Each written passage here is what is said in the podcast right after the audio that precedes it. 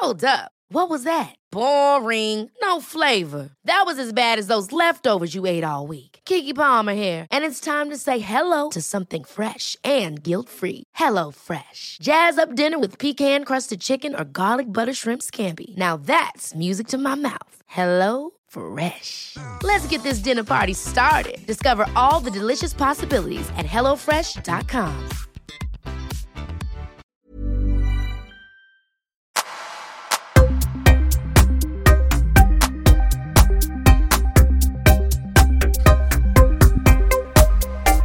Sådär, Gurgin, min veganske broder, Baklichoglu, välkommen! Varför lägger du ut det sådär för? Du vet nu när du titulerar någonting Jag kan inte ompaketera det där Jo, jo, det kan du. Paul, min eh, odömde broder, för du har inte suttit inne än? Jo, jag har det. Det har Nej, jag alls. skojar. Nu kommer ju folk bara sitta och fundera Jag menar bara så här, när man sätter rubrik på någonting, typ en kiosk Ja, Har du märkt när de byter kioskskylt?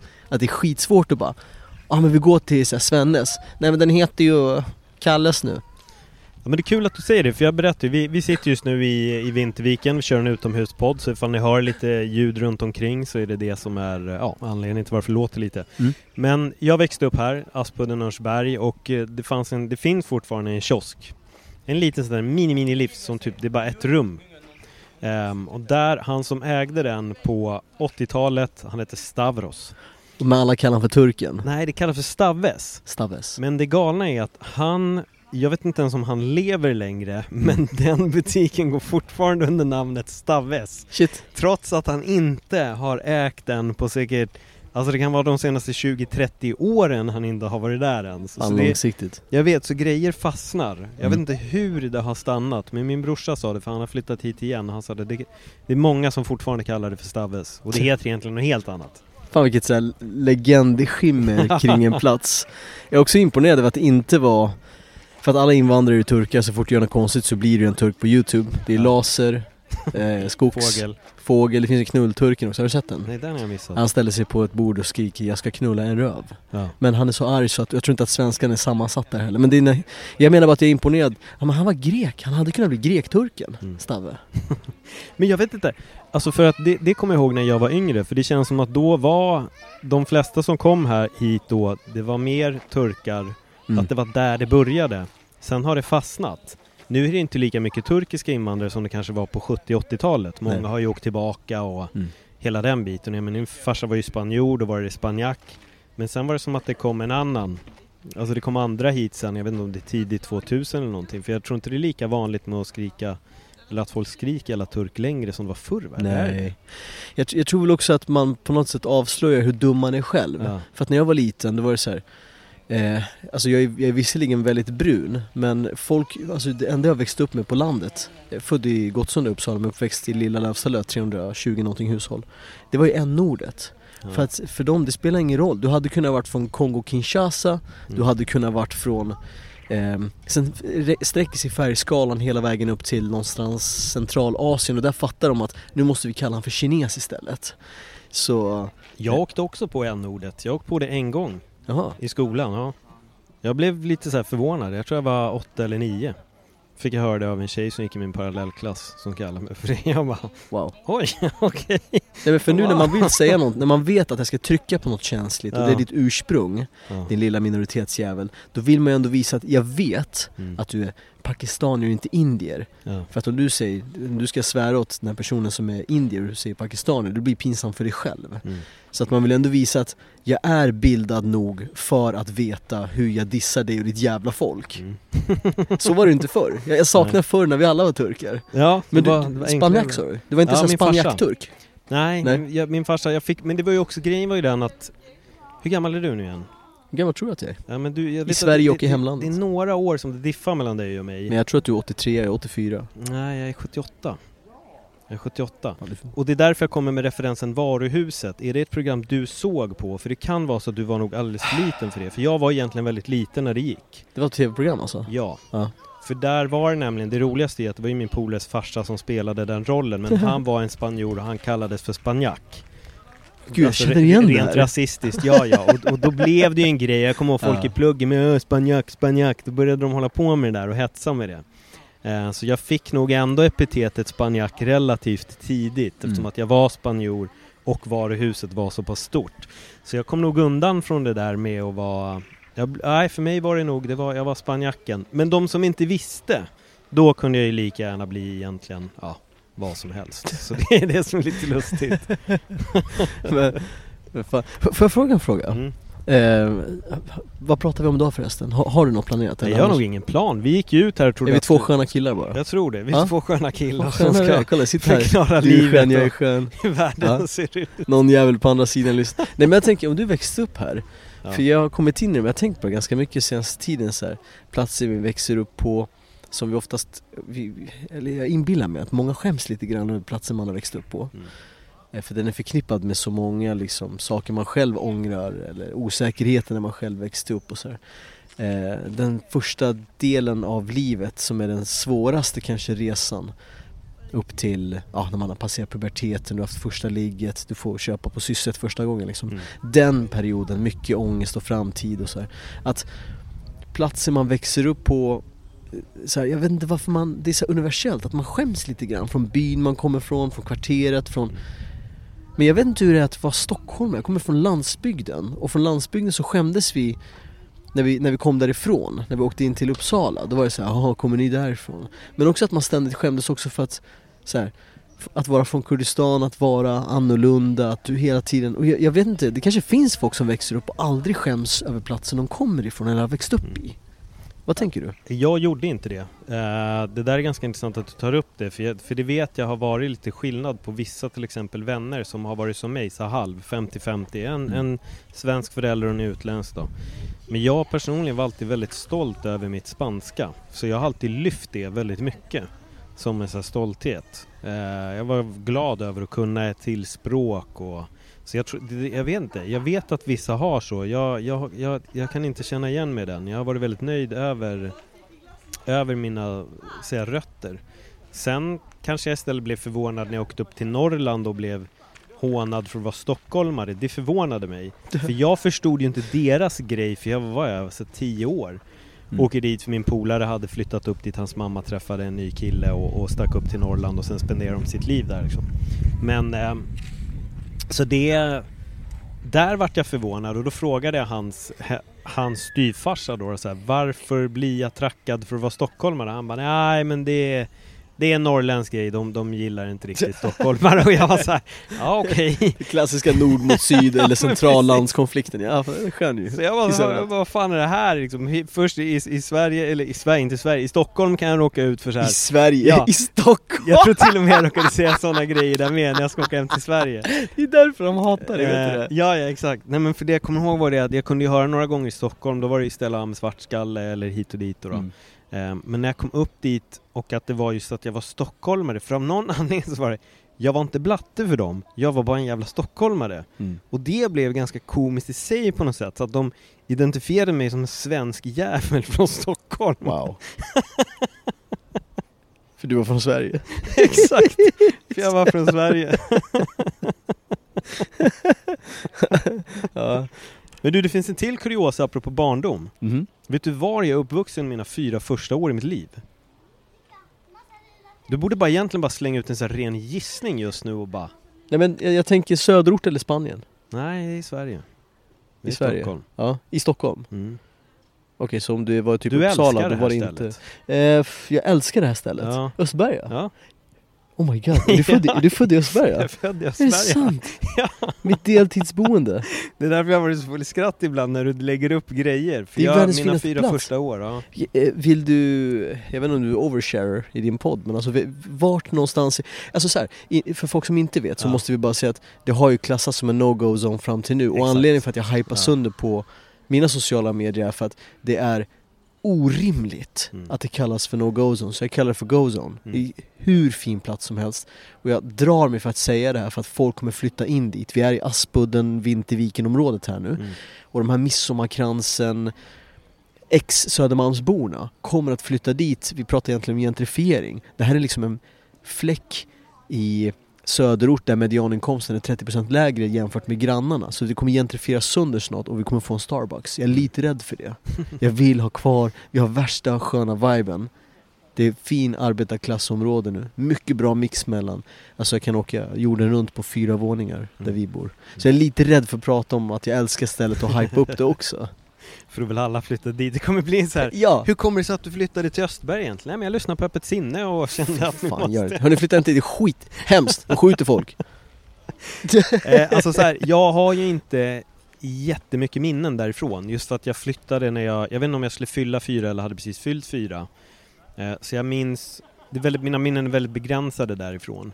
Men jag minns att vi bodde i någon så här loftgångs, någon av de här loftgångs eh, lägenheterna. Jag tror vi bodde en, en trappa upp, vill jag väl minnas. Eh, men det är typ det jag minns. Jag gick hos en dagmamma. Det var någon unge som brukade kasta sand på mig som jag kallade för bacon för jag har ingen aning om vad människan hette. Men det är typ mitt minne. Jag minns också att jag klättrade upp på ett sånt här, du vet sånt här litet lekhus som är bara, du vet de här som ett så här pyramidtak, Mm. trähus och så, ja, barngrej. Väldigt, väldigt vanligt på 80-talet. Idag tror jag att de byggs lite annorlunda. De är så säkra nu. Ja, och det sjuka var det, jag klättrade upp på taket på en sån där, när jag kanske var tre eller, eller något sånt där. Och får panik för jag kan inte komma ner. Så jag minns bara att jag sitter på det där taket och ropar efter hjälp och att någon ska komma och ta ner mig. Och jag, min- jag minns inte hur jag kom ner men, men jag kom ner i alla fall, annars hade jag väl suttit där fortfarande och bara hjälp! Vilket är en metafor för livet, för när man har byggt upp någonting man själv inte vill ha längre, man bara, du kan inte hoppa det här. Nej, nu jag, är var det bara så, underhåll skiten. jag var så ruskigt höjdrädd som liten också. Jag minns det med i Aspuddsparken så var det ett litet, som ett träd som var i en sluttning. Och jag klättrar ut på en gren där, vet du, går armbåge Mm. Men sen inser jag helt plötsligt att oj, nu är det ju ändå typ en meter ner till marken och så blir jag jätterädd. Och bara hjälp! Men sen tappade jag greppet för jag var inte så stark. Och så ramlade jag, det var inget farligt men jag vet att jag fick typ, jag var jätterädd när jag hängde där. Men Östberga skäms du inte för? Alltså, nej, nej, nej, absolut På nej, tal om platsen man växer Nej, upp på. nej. Jag, som sagt, jag har väl inga direkta minnen därifrån. Jag har svängt förbi någon gång och då kan jag säga minnas, just när jag Mm. ser dem där, som när du filmar husen. Det hade kunnat varit en av dem som jag bodde. Eh, för det är exakt de husen som du filmar. Men det finns, det finns ett antal, så jag vet inte vilket som är vilket. Jag skulle inte kunna gå dit och bara, "Ah, men det var där, där Mm. bodde jag som, som barn. Det skulle jag inte kunna göra. Nej, för att du sa att du bodde vid ett hus, i ett hus med loftgång. Mm. Alla hus, 100% har loftgång. Eller hur, de har det. Ja, ja. Nej, nästan. Men det är väldigt många. Ja. Men, vad, men vad är det du känner att du skäms över från, från den tiden? Nej men, eh, vad ska man säga? Typ det här med att vara, jag vet att du är ingen fan, jag hörde dig massa öppna ditt sinne avsnitt sen. Det här med eh, att göra sig till offer. Och det, jag, vill, jag, jag drar mig för att själv göra mig till offer just nu. Mm. Men jag menar att så här, det är inte lätt att vara den enda svartskalle-familjen ute på landet. Mm. Och det är därför jag låter som Hasse och Tage. För, för att mina föräldrar ville inte att vi skulle växa upp i Gottsunda som var invandrartätt och många kurder flyttade dit. Ehm, så att det var hela tiden det här med att vara den andra. Eh, du känner ju min äldsta bror Lesgin också. Mm. Och, eh, eller Lärra som folk kallar honom för. Det är, så här, det är också så här småstadsfenomen. Ja. Eh, gör märkliga namn fyrfemstaviga. Bål är ju tillräckligt eh, normalt. Ja.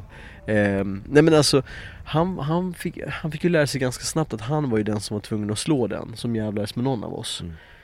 Och så var vi en syskonskara som hela tiden var de andra. När de andra åkte till landet så åkte vi också till hemlandet. Jag fattade inte att så här, min barndomskompis Jens stuga i Gävle.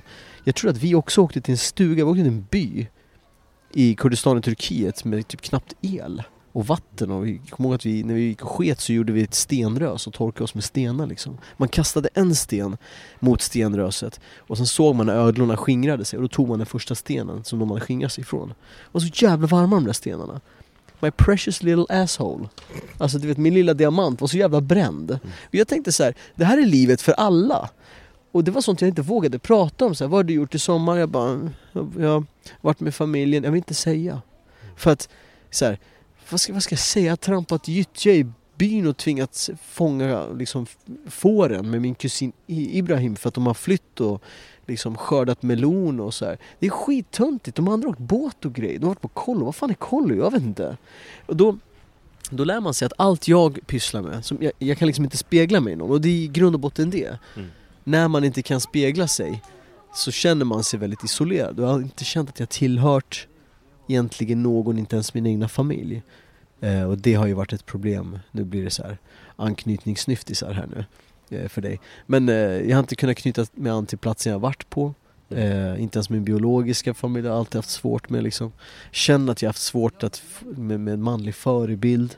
Farsan reste så mycket, han är ju en av världens ledande språkexperter i kurdiska. Så när pappa var hemma, eh, det betyder kom och titta på din pappa på TV. Mm. Eh, det var skitkonstigt. Det liksom gjorde ju senare att jag valde media. Att man, man lär sig så här, bygga en silvertunga.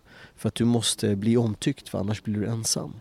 Och eh, det här är det nog mest patetiska jag kan dela med mig. Men alltså, det var inget av hela min, eh, så här, jag är ju, för, för de som inte vet, fan, fan ska ni veta vem jag är? Men jag har sysslat med media, så här, haft massa program i tv och radio.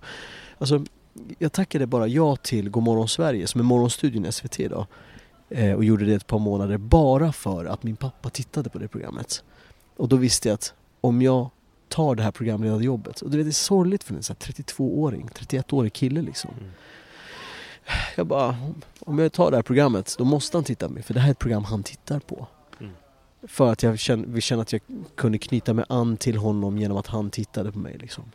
Eh, och, det är väl egentligen det. Jag känner inte att jag har, jag skäms över platserna jag har bott på som liten för att det är så här, jag har inte kommit in i någonting. Eh, det, har inte, jag har inte varit en del av mig, jag har velat ta avstånd från det. Nu, nu tänker jag säga, jag äger skiten istället. Det är skitområde jag växte upp i. så, det är kanske inte är världens finaste jävla by jag är uppväxt i heller. Och byggnaden i Gottsunda jag föddes i är fan inte vacker den heller. Men vet du vad? Jag kom ut ur någons underliv där. Jag tog mina första cykeltag på den där gatan i Lövstalöt. Och det, det är det liksom. Vad, vad finns det att skämmas över? Så jag hoppas att det är liksom, jag hoppas att fler kan känna igen sig i det, att bara skämmas över platserna man har varit på. För att, och ännu värre nu med ungarna med Instagram. För det finns så många, du är alltid på fel plats på fel tillfälle Ja, när du tittar på. Instagram. Ja, verkligen. Nej men alltså, det är jättetråkigt att du känner så. Eh, och jag, men jag tror nog att många gör det, men det är också det är ingenting vi behöver, alltså egentligen behöver vi inte känna så. Men jag undrar, vad är det för, för, när var det jag pratade om att man inte skulle vara offer? Jag, alltså, jag minns inte riktigt. Har du tänkt på där? Nej men jag bara... Du har krokat jag, jag, tänkte, jag, vad, vad var det för avsnitt? Jag försökte bara komma på vad det var för någon.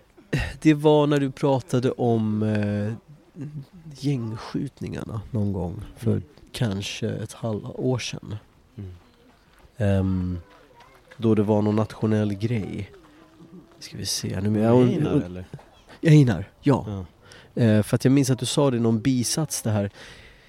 Alltså, det, det låter ju, det är out of context hela den här grejen så Ja. folk får inte stoppa i egna åsikter i det man precis hört. Man får ju lyssna på det avsnittet. Ja. Men du nämnde någonting om just det för att jag minns att du pratade om din bror då också. Mm. Ehm, och något med acceptans. Jag hoppas jag inte drar det här i röven just nu. Men det är bara så, så som jag minns det i alla fall. För jag Ja. tycker att det var, ehm, det var träffande. Jag eh, lyssnade på det avsnittet en och en halv gång. Ja. Så jag borde kunna citera det ganska bra. Ja, jag måste typ lyssna om det för jag minns inte riktigt att jag skulle ha gjort en sån, sån referens där. Men som ni hörde lite livat här så vi får se hur mycket som går in i mickarna. Det är så klassiker ibland, man, man hör mer, sen när det väl är inspelat så låter det inte så mycket. Eh, men ja, det där minns jag, jag måste nästan kolla upp det där för att se exakt vad det var. Men eh, alltså jag tänker väl lite just det, jag, alltså, jag tror att det är många som har lite den känslan men jag tror att det väl grundar sig väl i en, säga, en osäkerhet kanske. Mm. Att det är väl det det är, att man vill tillhöra och man kanske blir påverkad av det där att du är inte som de andra eller att Ja men som du säger, ja, men du kanske kollar på din hudfärg och jämför dig. Vissa gör inte det och andra gör det. Och då kan det skapa någon form av, kanske inte komplex, men att man, man börjar undra. Mm. Varför är jag inte som dem och, och allt det där. Men, och det är det vi sen ska ta hela vår, vad ska vi säga, vuxna liv till att så här bearbeta. Mm. Det är då allting kommer, okej, jag behöver inte känna så över det här Nej. när jag var ung, jag behöver inte tänka så där.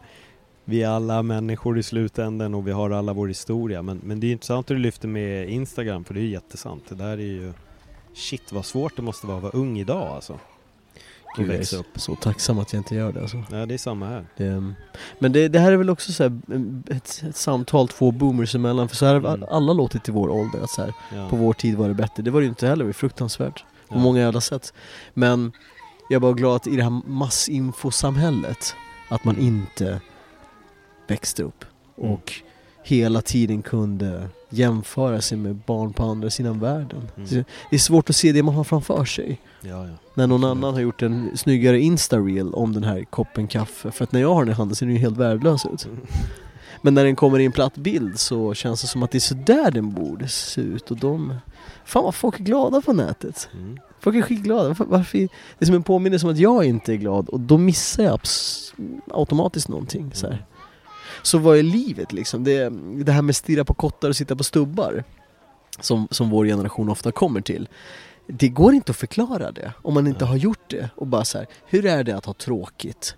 Eh, eller så här, det, det, idag kallar de det mindful Mm. och eh, det betalar man en miljard kronor för att åka på en helg på. Men det är egentligen att ha tråkigt. Så här. Åka ut, sätta sig med en kopp te i en skog och titta på kottar. Det är ju liksom, det är ju, det är ju vad livet är. Men hur ska man förklara det för någon som som, som, som kanske gör det för att det är bra content? Eller som, ja. Fota en kotte och få alla att inse att det är här som är livet. Eller vad tänkte du? Nej men jag fattar vad du menar men, men det är väl det, det är väl den illusionen av Instagram hela tiden. Vi lägger upp grejer. Det här är något jag pratar rätt ofta om. Med, man skapar en illusion. Man skapar den bilden man vill att folk ska se. Man lägger upp den perfekta bilden. Och det är intressant att man kan få en kaffe och se bättre ut än vad den egentligen är med rätt vinkel, lätt belysning och lite skuggningar. Ja, ja. Så, ja, den här kaffen är godare än den. Det är bara så man får ta det. Alltså gud, jag, jag hade poddstudio i Konstjorden i Sickla och mina grannar de sysslade med reklamfoto. Så de Mm. tar ju saker och fotar hela tiden. Och så har man ju, det är så sjukt att se produkten när de fotar. För det är ens granne som gör det så jag kan inte undvika det. Mm. Så ser man hur, liksom, eh, hur de fotar den här burken och sen bara, det är en burk på ett bord.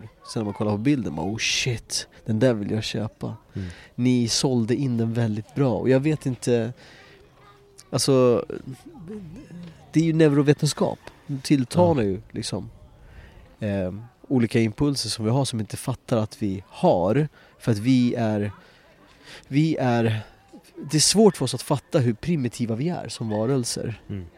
Ehm, och att det är det vi måste kämpa mot, enkla begär. Liksom. Men du, jag undrar lite när vi ändå är inne på Instagram, för du Mm. la ju nyligen så, du lägger mycket ut mycket tankar och uh, ja, teorier och allt möjligt sånt. Men nu la du ut den här om eh, öppen relation Aha. Och allting. Vad fick du för respons på det? Vad, vad, hur reagerar folk? Vart folk provocerade eller frågar folk vad du heter på Tinder eller vilka, vilka, vilka reaktioner fick du? Ja, alltså, det jag är ju inte ute för folks bekräftelse, jag vill bara fucka upp. Mm. Jag vill slänga grus i folks maskineri. Vill inte ha någons applåder, skiter i det. Ehm, går lite igång på när folk har blivit uppretade men ändå väljer att fortsätta följa en. Mm. Man bara nice. Stanna kvar, du kommer få en ännu bajsmackare snart här ska du få se liksom. Ehm, nej men det, jag vet inte, Instagram är jättesnälla, min Facebook-sida eh, känns det som att det var, det exploderade med, vad ska man säga, ganska stängda tankar Mm. eh, tydliga narrativ om vad livet är. Det där är inte ett seriöst sätt att leva på. Det är ingen riktig relation. Kärlek och eh, sex är en och samma sak. Eh, kärlek bygger på exklusiv tvåsamhet. Det här är ju människor som aldrig har reflekterat kring det mest självklara liksom. Eh, Som den här klassiska referensen om fisken som är inte är medveten om att fisken är i vatten. Mm. Vi vet ju inte att vi har vatten runt omkring oss för att det är fullt naturligt det vi har runt omkring oss. Så det är därför vi har svårt att ta oss an de stora överlevnadsfrågorna som klimatfrågan och mycket mer. För att det här sättet vi lever på är det enda normala. Och det enda... Och så här, det har uppmuntrats socialt, kulturellt, juridiskt genom allt ifrån bidrag till eh, liksom, hur, hur vi ska gifta oss och hur vi får gifta oss och sådär. Vi tror inte att våra system är förtryckande. Men det är de. För att de, de premierar bara ett sätt att vara på. Då tänker vi det här är det enda sättet att vara på. Men det finns jättemånga där ute som är låsta av eh, den här idén om vad kärlek är idag. För att, eh, ja men så här, kanske någonting som är ännu mer stigmatiserat det är ju folk som, som inte vill ha en partner eller flera partners. Alltså någon som väljer att vara själv, jag säger inte ensam. Mm. Alltså någon som säger så här, jag vill inte ha någon person i mitt liv, eller några personer. Ehm, vi har skitsvårt att acceptera det. För att du vet inte att du är ensam. Du är tillräckligt, alltså vad ska man säga? Du, du är så låst i det där och jag måste berätta för dig att ja, men du har bara inte träffat den rätta. Alltså det, vi, vi är så enormt respektlösa Mm. för folk som har gjort medvetna val i sina liv. Och eh, kan inte släppa det. För att det, det, det du gör, det får dem att handla om sig själv. Eh, alltså det här är det vanligaste när jag säger så här. Alltså typ om någon säger att, om någon säger att jag scrollar på Tinder. Men har inte du flickvän? Jo, vi har öppen relation. Ja, vad betyder det? det här, jag, jag bränner av de vanligaste frågorna nu här för folk som lyssnar. Ja, men det betyder att vi älskar varandra, men vi, har, vi träffar andra liksom.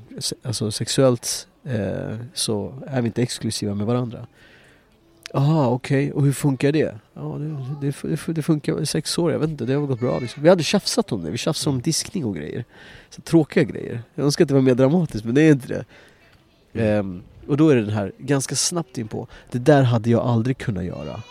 Nej, men då ska du inte göra det. Det, det är verkligen as simple as that. Eh, och sen så kommer frågan om svartsjuka, och den är också ganska bizarr för att det finns ingen känsla i samhället idag som vi har accepterat Mm. att vi ska projicera på någon annan. Om du är svartsjuk, då är det på dig. Externalisera inte det där. Lägg det inte, alltså om jag är svartsjuk på dig, då är det inte ditt fel Paul. Det är mitt, alltså jag får jobba på mig själv. Och sen så beror det ju på, liksom, jag ju- om jag har valt dig som person, då får jag ju acceptera att det här är så som du är. Det är inte min uppgift att forma dig. Nej. Eh, och det är också en sån här skev bild vi har av relation, att när vi träffar varandra, ja men då ska man ju börja forma, ja man får ju förhandla, man får Nej, hitta någon du gillar istället, fan sluta hålla på med den här skiten.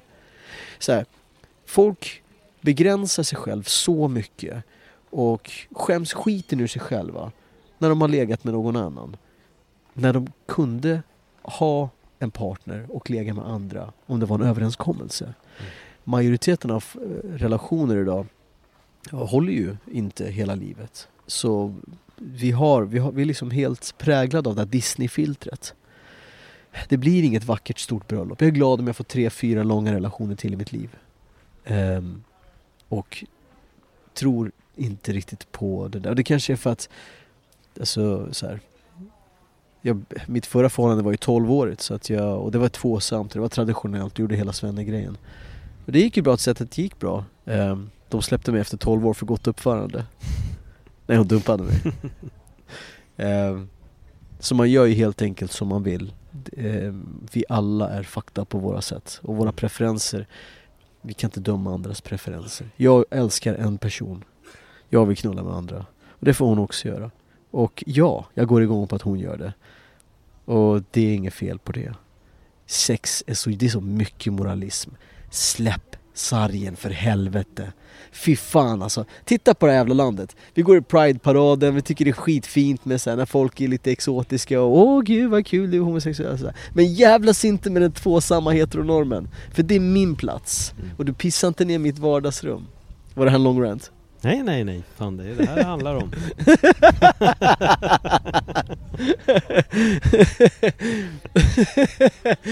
ja, ja. Men jag, de gångerna jag skrivit om det så det är lite blandade grejer men det är väldigt många Ja. som kapar Nu, nu, nu höll jag värsta lådan här för dig Nej, nej, men det, Men det är många som kapar och säger Hur är det att? Och sen hinner jag säga tre ord som tar dem över Man bara, men det, okej men varsågod du, du vill prata Du fick ju inte svar Nej. eh, Men jag vet, jag vet hur det är Jag själv dömt eh, Första gången jag träffade någon som var i öppen relation med en kollega och jag bara, det där är inte seriöst. Det här är en person som är notorisk otrogen.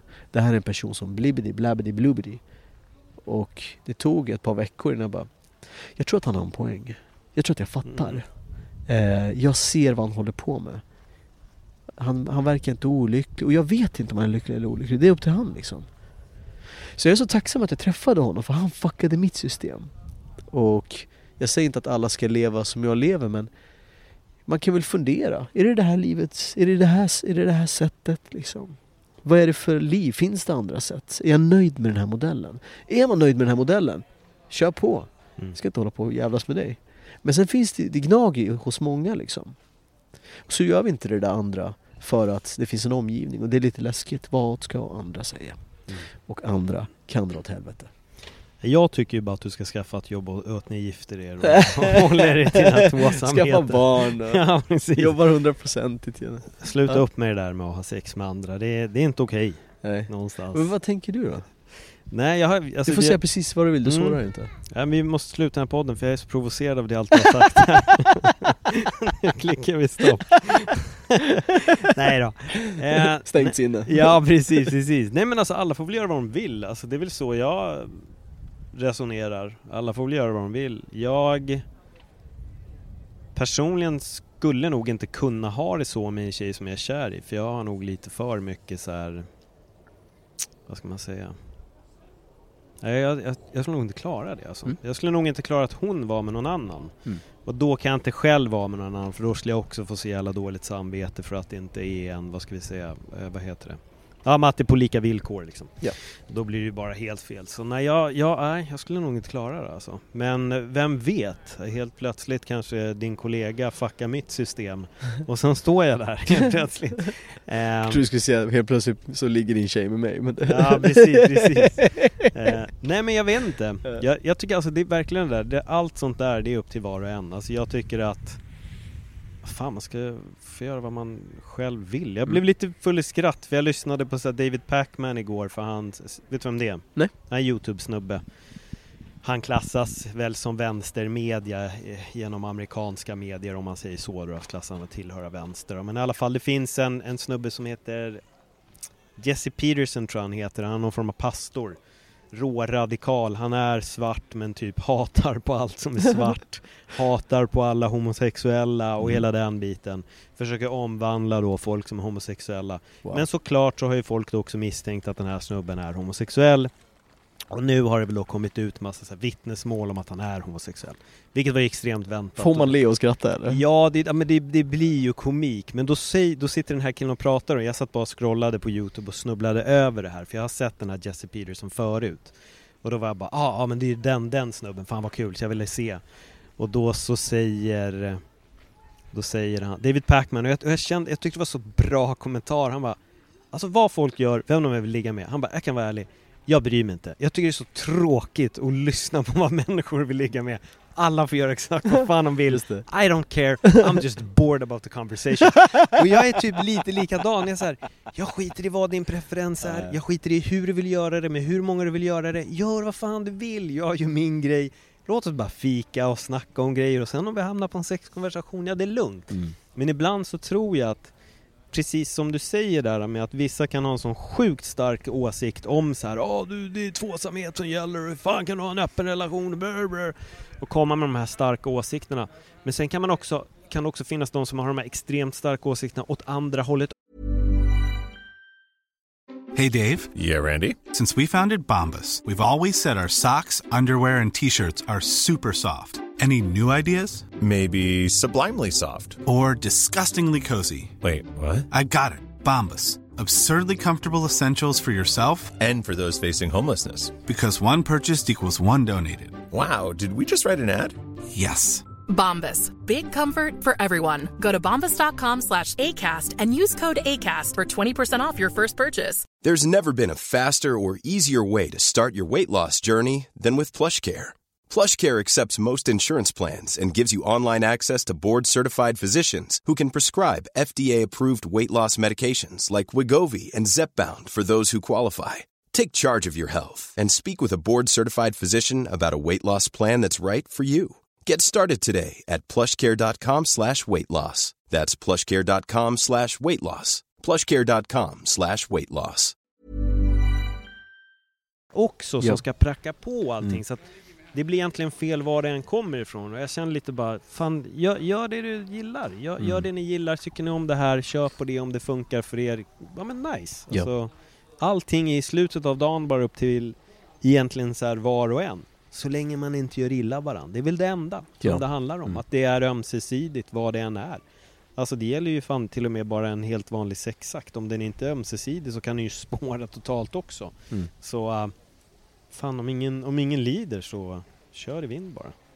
Jo, men det, det bygger också på att vi måste ha en tillåtande miljö och Mm. så här, det du säger nu är ju eh, en jättestark grund för vad vi skulle behöva för att jag tror att skulle vi göra en helt vanlig eh, skulle vara en helt vanlig romantisk film på en vanlig SF-bio som handlade om tre personer och inte två. Då är ju det propaganda, det hade skapat debatt, det hade upprört folk, det hade... Och det visar ju så hur ovana vi är Mm. med andras val. För det där är ju propaganda och jag vill inte att mina barn ska se det där. För mina barn ska ju bara se det som jag ska ge dem. Ehm, det finns ju jättemånga som är helt okej med att det finns homosexuella i vårt samhälle. Mm. Men jag vill inte att mina barn ska få se det där. Eller jag vill inte att mina barn ska bli det. Så det är intressant vad som är det offentliga rummet och vad som är det privata rummet eh, när det skaver. För att det är klart att du ska få ha två pojkvänner om du vill ha det. Mm. Men ta inte med dem till mitt barns kalas när jag bjudit över dig och din familj. Det var ju en sån debatt för kanske ett, eh, ett och ett halvt, två år sedan i P1 och det var ganska bisarrt för att det händer ibland när flersamma går ut och pratar om det och flersamma kan ju vara folk som har sex med andra eller polygama eller så här. Ja men du vet, det kan vara triader, jag vet inte. Och det låter exakt som eh, så som man pratade om homosexuella i början. Mm. Typ som att det där är ganska vulgärt, jag vill inte ha det där, eh, liksom, jag vill inte att min, mina vänner kommer över på, på middag, parmiddag eh, och visar upp det där för att det, det är nästan som att det är så, du ser bara sexet när du ser de två. Du ser inte kärleken eller intima relationen eller valet. Det finns ingen respekt för den människans eh, liksom behov eller någonting. Ehm, för att jag vill ha dig som du är fast utan dina konstiga val. Mm. Så kom inte hit med dig och kanske dina, jag vet inte, du och din triad för att det kommer bara påminna mina barn om att ni är tre som har sex. Det är ganska äckligt och jag vill inte ha det här. Så att eh, de här fina tankarna där folk är öppensinnade, om folk höll med dig precis i det du sa, Mm. så vill jag att man ska stresstesta det. Ta det till nästa nivå. Vart hade det stuckit med i ögonen? Hade det varit jobbigt att åka på en campingsemester med eh, ett, en triad, tre personer och mina barn skulle se hur de vaknade upp tre pers i en säng varje dag och att mina barn skulle ställa frågor om så här, varför är de tre? Och shit liksom, för då måste jag kunna svara på varför vi är två. Ehm, eller varför är vi, varför är de fyra? För då måste jag också kunna svara på varför, oh shit, jag måste kunna svara på varför vi är två. Eller varför är alla de där män?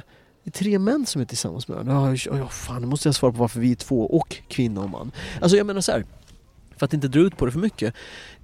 Det gör att man måste, vi vet vad en homosexuell man är idag. Eh, vi vet vad en lesbisk kvinna är idag. Vi vet eh, till mångt och mycket i alla fall, eh, kanske inte Kajsa Ekis Ekman, vad en transperson är idag och vilka rättigheter de ska få.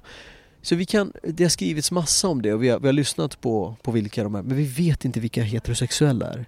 För vi kan inte beskriva dem, för det är det mest självklara som finns. Och när man börjar syna det, då um, skapar det irritation. För jag ska inte behöva berätta om heterosexualitet.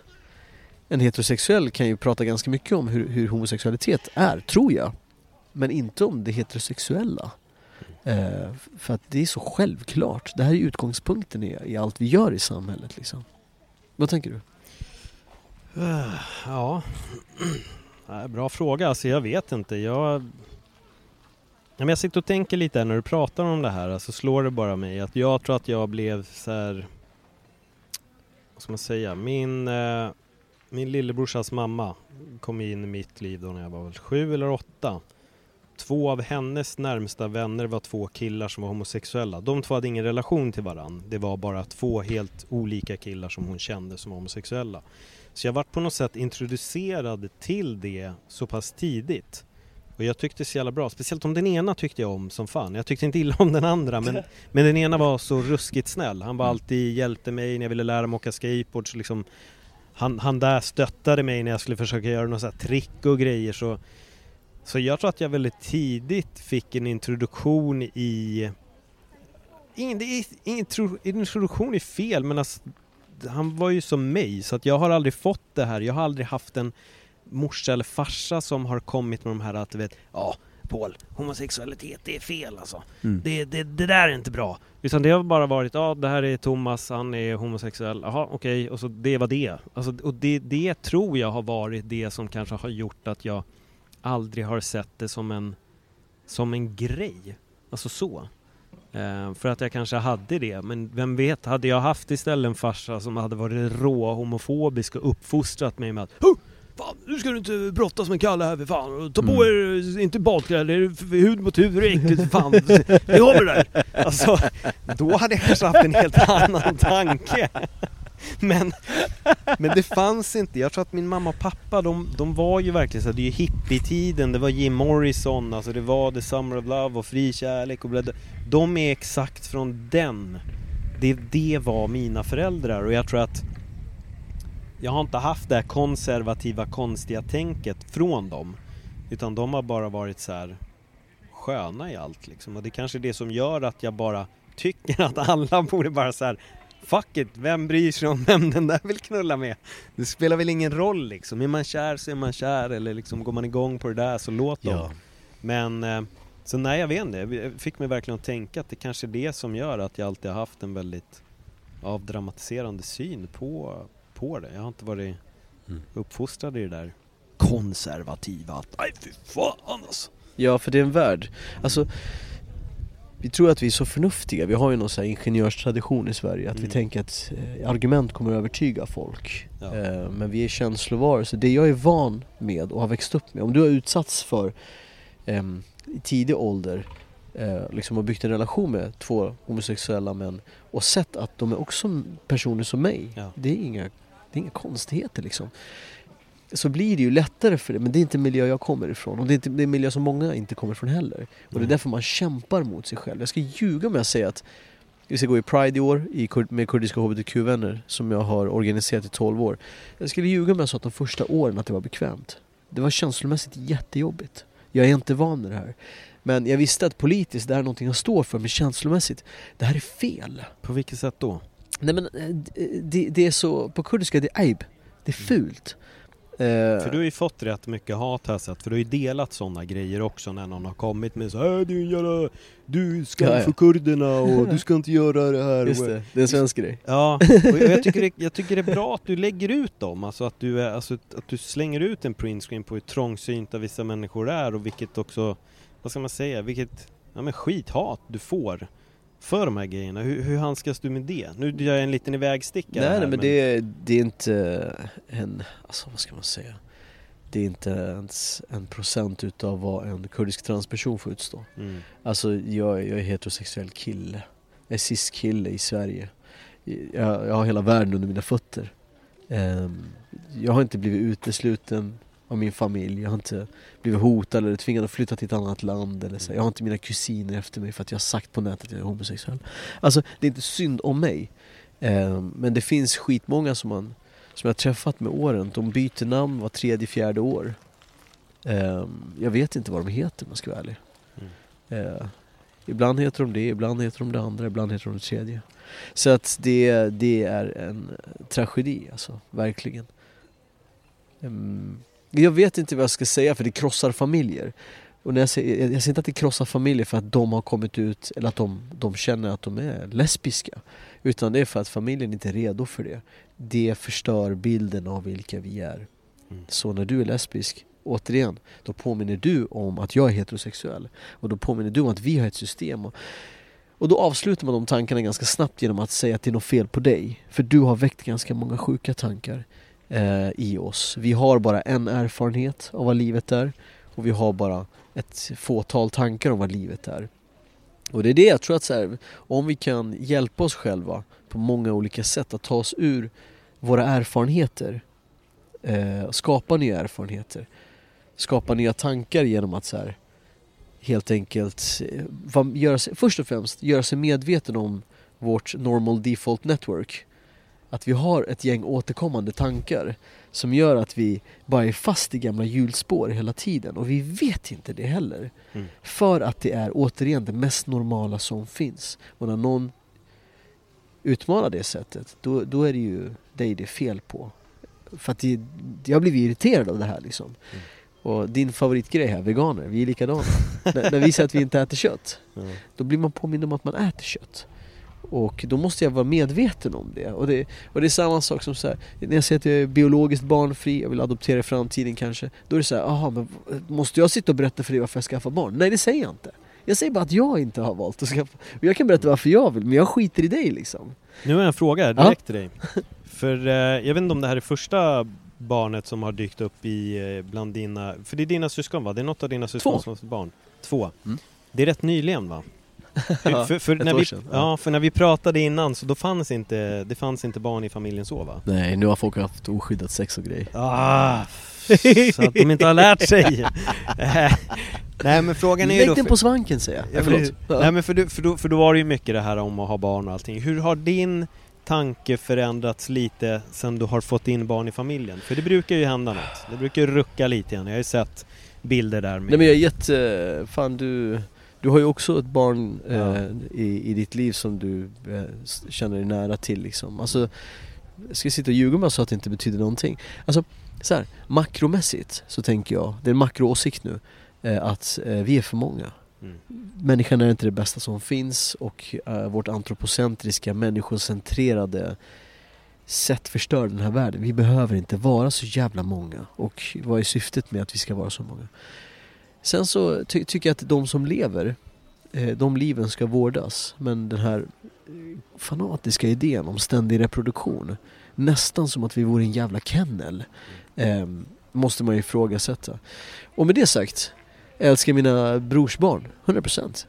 Eh, och jag själv har ju varit barn, jag själv har ju fötts. Nu sitter jag här, vi pratar i mikrofon, trevligt att vara här i liv. Eh, är gurgen det bästa som har hänt? Nej, jag tror inte det. Eh, människoliv är inte det bästa som har hänt. Vi har insektsliv vi borde bry oss om. Vi har, alltså ärligt talat, jag önskar att vi kunde få till fler spindlar, getingar, eh, larver, fiskar. Alla de här oönskade varelserna eh, som inte har en självklar plats i våran värld. Det är de som måste bli fler. Eh, vi är en in, invasiv art. Vi är för många. Du, vi måste ju, det är ju tvära kast där alltså, men nu inser jag vi måste ju prata om abortdebatten. Ah, USA, Roe v Wow. Wade har blivit omkullkastat. Nu vet jag inte om det är hälften av delstaterna i USA där abort är väl mer eller mindre helt förbjudet Mm. eller kommer att bli så fort de bara har slagit igenom de sista små, små detaljerna i det hela. Eh, alltså vad var din tanke när du såg att det här vändes? För jag har följt amerikanska medier nu rätt länge och det är en kille speciellt som har suttit väldigt mycket att kommer de i makt They will overturn Roe v Wade. Om de får illa alla de här justices, they will overturn Roe v Wade. Och nu hände det. Vad tänker du? Ja, Ebba var ju ute ganska snabbt och eh, Ja, ville va? att alla skulle skriva på ett kontrakt så att jag vet inte Nej bror, jag tror att eh, så här, när vi ruckar på, på det här eh, som handlar om kvinnans val så eh, det, det, kan, det kan bara gå ut för härifrån tror jag Ehm, Vi måste ha fria val att få skaffa barn. Eh, och att ha fria val att inte få bli förälder också. Så att den, eh, jag, tycker att den här är liksom Det är ju, det är ju en tragedi och det, det spiller ju över, vi ser ju liksom, det kommer ju De här tankarna kommer ju tillbaka en hel del, det finns ju vi har svenska Europaparlamentariker som låtsas om som att de inte har röstat så här tidigare heller. Och eh, de här tankarna finns i Sverige men de är lite fula att prata om så att nu så gör man det i koder, bland annat i så här religiösa samfund Um, och det finns många där ute, om du skulle mäta det på Novus, som jag tror skulle absolut kunna tänka sig på någon som hade kunnat eh, reglera aborten, försvåra den, som man har gjort tidigare genom att säga så här, undersköterskor ska få välja själv eh, om de ska få göra det eller inte liksom. Så att eh, de där förslagen dyker upp titt, och, titt som tätt.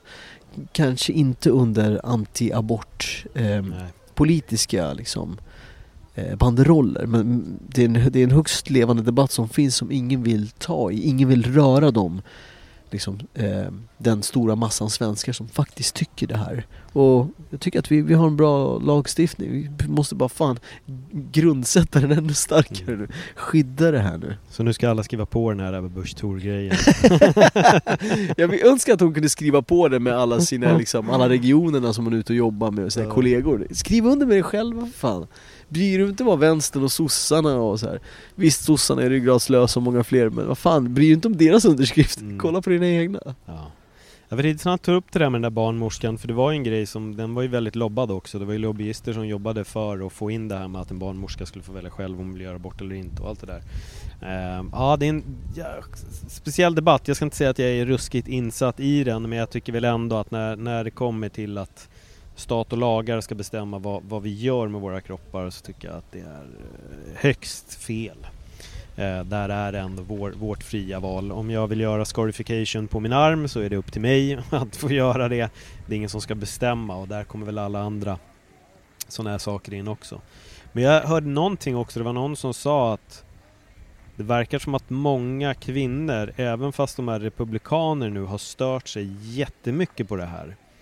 För att även om de kan vara lite så här emot abort så har de ändå varit i det här att det är fortfarande kvinnans val. Och det ska bli väldigt spännande att se hur det kommer att påverka valet i USA nu då. då. Få se om det är så att republikaner kanske ändå väljer att rösta demokratiskt bara för att de är emot den här processen med att staten ska bestämma över en, en kvinnas kropp. Men snacka om att man inte har kunnat konkretisera ens egna politik. För då är det så här, genom åren så har vi sett, eh, och då pratar jag inte om alla de här som SD själva utesluter, för det är många hundra nu. Mm. Utan folk som har hoppat av själva. Som har så här invandrarbakgrund. Som bara, det är för mycket rasism i partiet. Bror lyssna. Jo, jag vet Var tror du att du har hamnat någonstans? Va? Ja.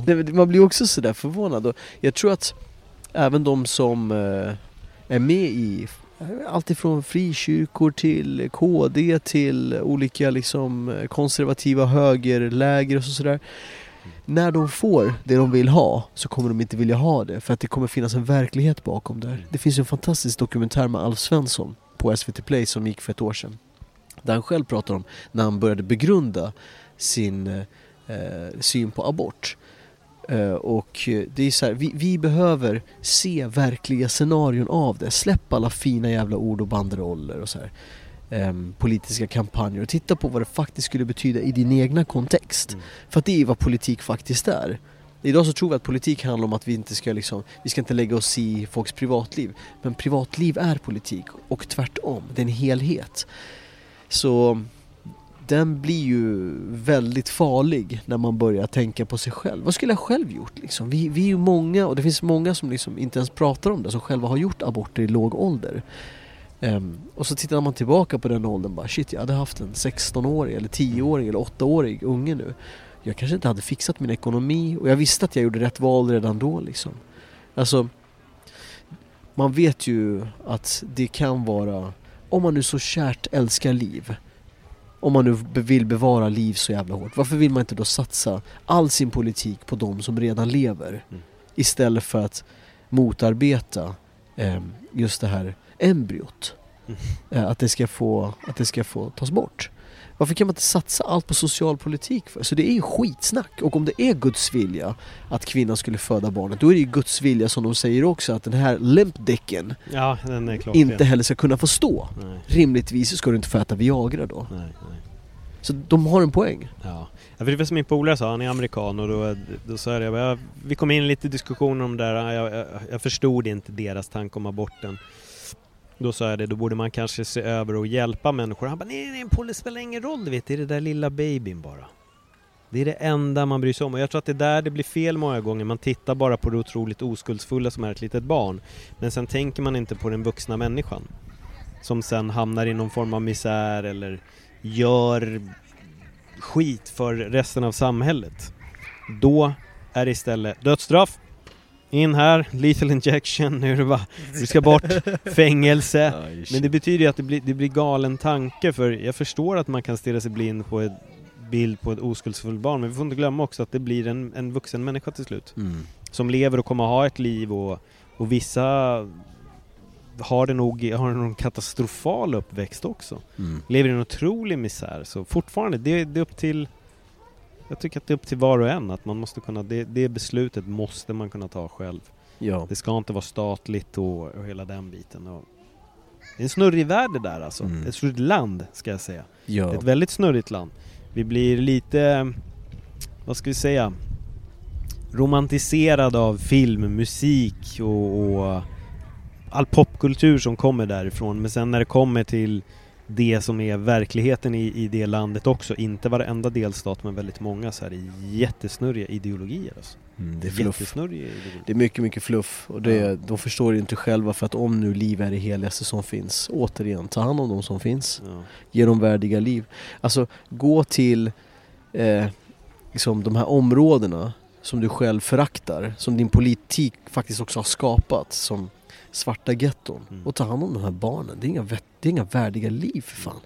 Och det är ju liksom, då hade jag velat se alla som var för Alltså så här, jag kan ta någon som är för abort på allvar om de också har konkreta förslag för hur de mest utsatta barnen i ens egna land ska tas om hand om.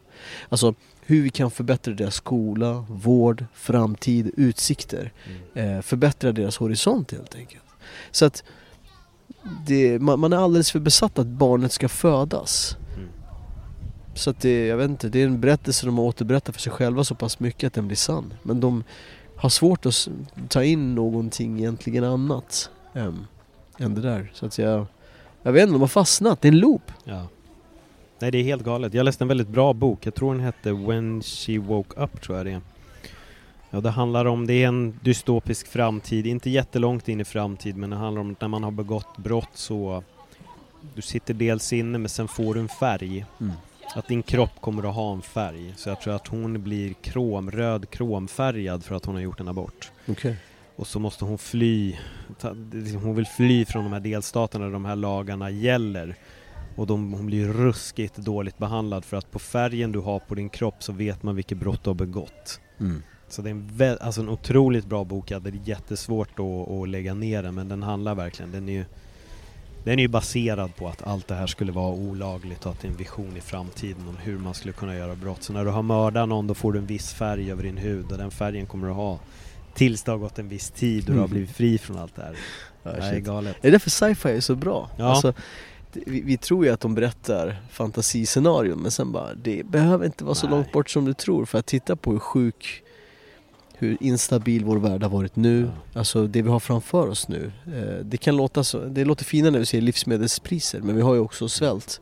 Alltså kriget i Ukraina har ju orsakat att det är skitsvåra brödpriser i bland annat Egypten Mm. där brödet är jättecentralt för att eh, alla liksom, eh, allt de gör bröd av finns inte, finns inte i samma mängder som Nej. tidigare. Och det är så centralt i deras mat och håller folk levande att man kallar det för, alltså samma ord på arabiska, eh, liv, är också det som är, be- betyder också synonymt med bröd. Mm. Och du kan ju se liksom att så här, alla de här kriserna som vi har just nu, parallellt också, ehm, är ju sånt vi har sett i filmer förut. Kommer du ihåg när pandemin Ja. slog till och vi bara, det är som i filmerna. Och nu har vi slutat sagt så här, det är som i filmerna, för jag tror att vi är lite redo på vad som helst. Att vad, vilken skit som helst kan hända nu och jag är fullt redo på att leva mitt normala liv under den skiten också. Alltså, det vill säga business as usual, jag fortsätter som förut. Mm. Så vi, vi är svåra att förändra, människan är en svår varelse att förändra. Är det inte lite obehagligt i allt det här också att kriget börjar vara 24 februari va? Mm. Det är juli nu, snart den 20. Hur på något sätt, från att ha gått, i alla fall jag, från att följa det dagligen, varje dag, titta, läsa, allting som händer där borta till att nu inte ha kollat upp nyheter om vad som händer där borta på, alltså över en månad tror jag. Att det blir till slut, för jag hade den här diskussionen med en polare som var lite så ja ah, men varför snackar vi inte om alla andra krig som sker? Jag var lugn så här. Tro mig, när det här har pågått tillräckligt länge så kommer det här bli lika normaliserat, vilket är jättetragiskt. Men det kommer bli lika normaliserat som, allt, som alla andra krig. Verkligen, ja ja. Och till slut så har det liksom blivit det. Att nu är vi där på något sätt. Att det har blivit normaliserat. Vi vill leva vårt liv. Vi vill vakna. Vi vill leva i vår tvåsamhet. Hi, I'm Daniel, founder of Pretty Litter. Cats and cat owners deserve better than any old fashioned litter. That's why I teamed up with scientists and veterinarians to create Pretty Litter. Its innovative crystal formula has superior odor control and weighs up to 80% less than clay litter. Pretty Litter even monitors health by changing colors to help detect early signs of potential illness. It's the world's smartest kitty litter. Go to prettylitter.com and use code ACAST for 20% off your first order and a free cat toy. Terms and conditions apply. See site for details.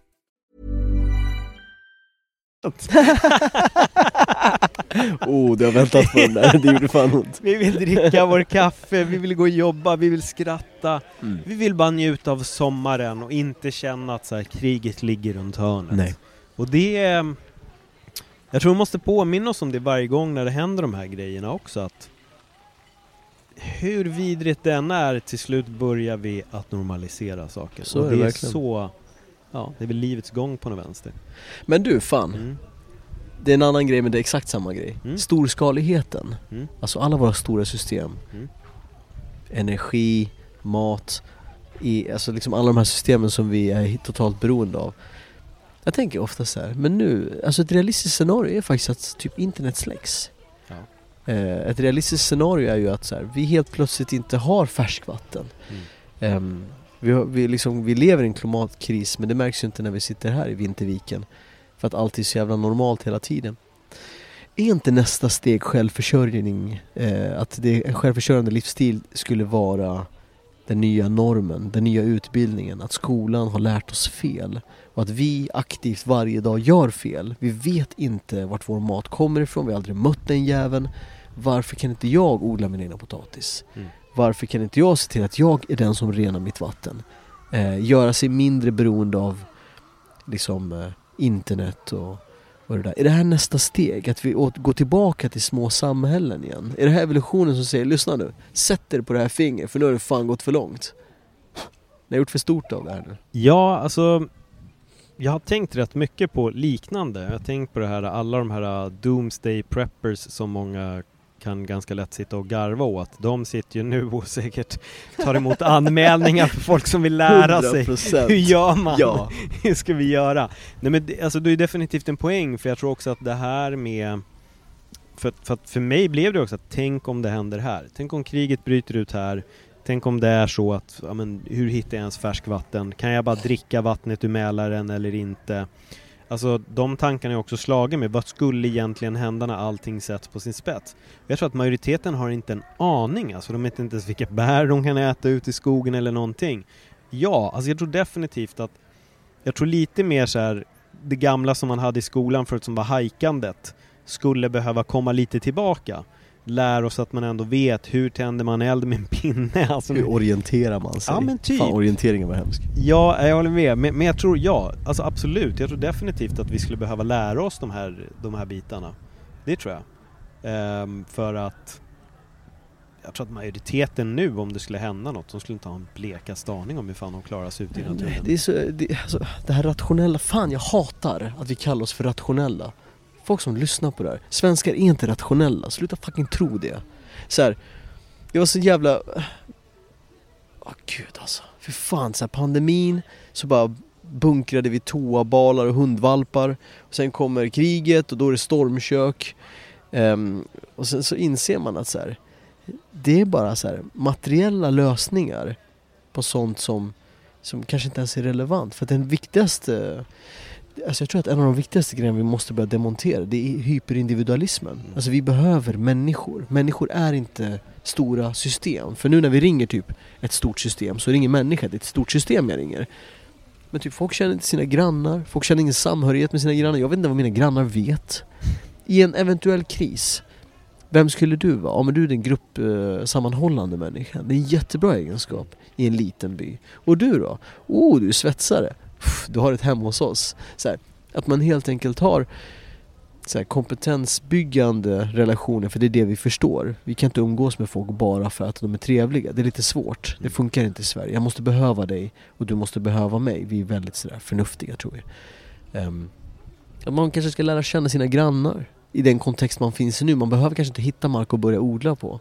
Till en början, vilka är grannarna i mitt hus? Mm. Eh, istället för att göra den stora radikala svåra, det är bara att flytta ut, bygga en jävla timmerkoja.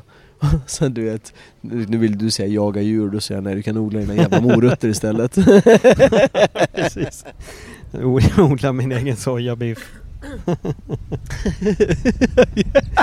Men det är rätt roligt när du säger det för att jag började Sojabiff jag, jag började titta på Youtube, jag vet inte varför, men när kriget liksom hade dragit igång så började det också dyka upp jätte... Och det här var verkligen utan att jag hade sökt det men hur man bygger ett hus i skogen. Det kom flera sådana. Typ så här, hur någon byggde med så här skorsten och allt möjligt alltså. Det var, det var, och jag vart, det, det slår mig nu, det är jätteskumt sammanträffande men helt plötsligt dök alla de här, de här typen av klipp upp. Lär dig bygga ett hus. Hur du tätar och får värme och hur du gör det svalt på sommaren och ja. Men det var algoritmerna, det var inte du som sökte det? Nej, jag gjorde inte det. Men det, förmodligen någonting har jag sökt på som har gjort att de har poppat upp. Mm. Det, så är det ju, 100%. Eller så var det bara att alla började söka på det. Och den reagerade på det som jag har sökt på. De andra har sökt på det här också. Helt plötsligt kommer det udda in från så här meditation. Så alla som söker på meditation söker också på hur överlever man tre veckor ute i naturen. Just det, ja. Så det kan ju vara den, den med. Fan, ska man starta upp typ så här stormkok.se inför Ja. nästa kris? Eller så här, typ investera i Naturkompaniet inför nästa krig? Ja, Eh, det är nästan det man måste göra. Men jag tänkte, just det, var det här jag tänkte på när du tog upp det där. Har jag fel, Mm. men när du åkte med din husbil, jag vet inte om det var i Portugal, Spanien, men bodde inte ni i någon form av lite så här mini-ekoby? Jo. Jag, ja, det var så. Mm. Hur var det? Alltså, det, det finns eh, Europas mest sydvästra punkt. Ehm, Folk kanske känner igen grannstaden Sagres Men det finns en liten by som heter Villa do Bispo Och bredvid Villa do Bispo finns en ännu mindre by som heter Pedralva. Och bredvid den lilla byn finns det en ännu mindre liten by Som heter Vegan Hills. De som du gillar, veganer. Mm, mm. Och eh, det är ty- typ land man kan köpa Ja. för, nu gör jag reklam för det här, i det som på portugisiska kallas för Vegoa. Man kan köpa land för 12 000 euro. Och eh, sen kan du bo i tiny house eller i tält. Min kompis bor i en dome, tvåvåningstält. Så det är han vi åker och jobbar hos. En eh, eh, Jason, Damien Junior Gong Marleys förra gitarrist, hoppade ekorrhjulet Mm. och sa det här vill inte jag göra. Resa runt världen och spela samma wacka, och wacka, och wacka. Flytta ut i tält. En snubbe från Washington DC, två meter lång ginger rasta, bor där ute. Eh, tillsammans med en kanin Chucky. Chucky börjar komma till honom varje gång för att eh, han delar ut rotfrukter till honom. Och eh, det är så långt ut man bara kan komma. Det är ett ideal. Mm. Eh, Men de har också sina problem just nu med klimatförändringarna. Det har brunnit mycket. Hans ställe överlevde. Allting brann ner förutom hans tält. Ehm, för ett och ett halvt år sedan. Så att det är också så här, det är också en osäker framtid där. För att det vi gör här påverkar där. Och det är liksom, allt är ju en helhet. Vi kan inte släppa ut i Sverige och förvänta oss att det inte ska få asfalten i Indien att smälta liksom. Så även om vi flyr ut i skogen, det vi har framför oss, eh, skyfall, eh, i framtiden megabränder. Man är så att det, det är ingen sci-fi film det här. Det är liksom, det är forskning. Så att, eh, Ja, men det är kineserna va? Det är kineserna som ska kolla på sina det- jävla utsläpp. Jag tycker den är så rolig när folk kör den där. Åh, varför lägger ni inte upp den här artikeln i Kina? Nej, för att det handlar om här också. Så det kanske bara är dags att säga Köp inte en eh, 20 plastpåsar varje gång du går och handlar. Det är ganska enkelt att göra lite, lite skillnad. Ja, men det är Kina vet du! Ja. Ja. ja men eh, vad, vad tänkte jag på där med... Fan, jag tappade tråden lite nu när jag skulle börja vara rolig här om... eh, folk, roligt. folk som har de här fördomsfulla grejerna om sig att allt Men det var backtracka då, vi pratade om att överleva ute i skogen. Ah, Ja, jo, har du sett, eh, vad tyckte du om filmen, om du nu har sett den, vad heter den? Don't look up? Jag kollade inte på den. Nej? Ehm, den känns förutsägbar och jag förstår huvudpoängen. Mm. Och så tänkte jag att eh, jag är rätt um, tillfreds med hur sjukt tillståndet är. Mm. Jag vill inte titta på sånt som retar upp mig. Jag vet att det är sådär sjukt. Ehm, och det finns ju de som tycker att så här, att ah, små förändringar är inga förändringar. Men min förändring hos mig själv är att jag inte reagerar på det. Och att jag bara gör livsstilsreklam. Jag vill ju prata om politiken så här, i omställningen, hur vi ska leva, hur vi ska konsumera, hur lite vi ska konsumera, för det pratar vi aldrig om. Typ i energidebatten så pratar vi väldigt sällan om att vi måste använda mindre. Utan vi ska ställa, så här, rädda alla jävla villaägarna. Vi ska subventionera deras sjuka livsstil. Ehm, Så att, eh, och det heter ju inte bidrag, det heter avdrag förresten. Nej jag tycker så. så att det, jag har liksom, jag har inte sett den av den anledningen att jag, Mm. jag vet hur det är. Eh, Det, det, det ger mig ingenting förutom frustration. Och jag har ju valt att leva kvar i ett samhälle som jag inte tror på. Mm. Här går jag i så här kärringen mot ströms hela tiden. Men du, när, när ska du hoppa off the grid helt då? Har du haft någon sån tanke att verkligen bara helt gå offline eller off the grid och allting vad det nu heter? Ska jag läsa ett sms jag skrev till min tjej i morse? Mm. Eh, då skrev jag så här, och det, det, det här är någonting vi pratar om otroligt, och folk tror att vi bråkar om vem vi har knullat. Men det står så här. Idag 10.44 skrev jag det här och klockan är 15. Fan nu får jag st- värsta starka känslan igen av att vi måste flytta och lära oss bli självförsörjande. Mm. Det är liksom det, det, det kretsar jättemycket kring det. Men sen känner jag samtidigt så här, vad ska jag skapa för förändring där? Jo men jag kan ju använda liksom sociala medier för att berätta om att det är dags att börja tänka om. Sen bara, tills att sociala medier inte finns längre, man kanske ska finnas i den här kontexten och prata om de frågorna. Men hur, hur bra går det då? Nej, för vi är så jävla förborgerligade. Alltså vi är marinerade i medelklasslivsstilen. Det är fullt normalt att du lägger ner att du äter tre luncher ut i veckan, att du tar en Uber. Att någon människa som har kommit hit från andra sidan världen eh, för att jobba för småpengar i rosa kläder ska köra hem en jävla pizza åt dig när du är bakfull. Alltså det är ett samhälle vi är van med. Billig taxi och ISK-investeringar och Tesla-dyrkande jävla Elon Musk människor som sätter sitt hopp i de här berättelserna om att men det kommer bli bra.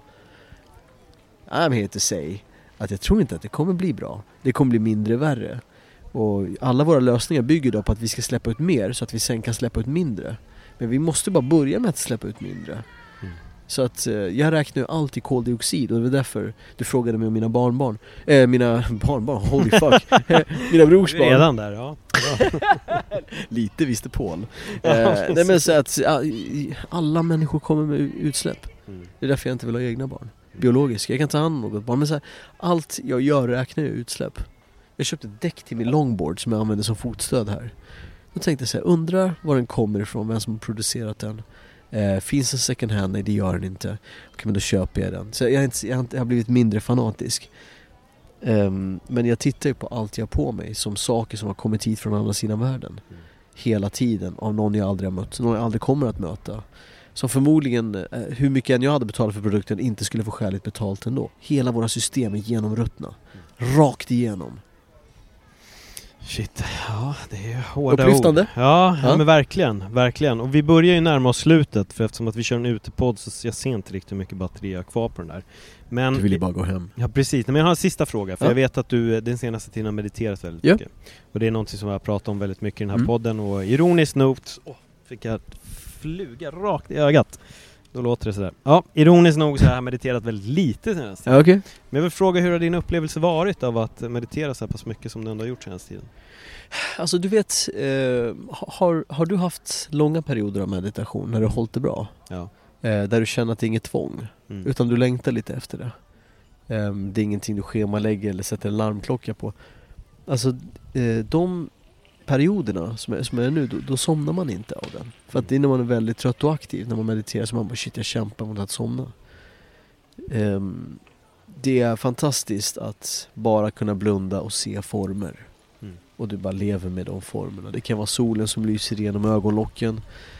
Det kan vara, eh, jag kan ju bara rekommendera alla att skippa Spotifys meditationslistor. eh, det finns jättemånga, ett arabiskt instrument som heter Oud, O-U-D. Eh, som har många instrumentaler som på något sätt kan fånga, fånga mig i alla fall.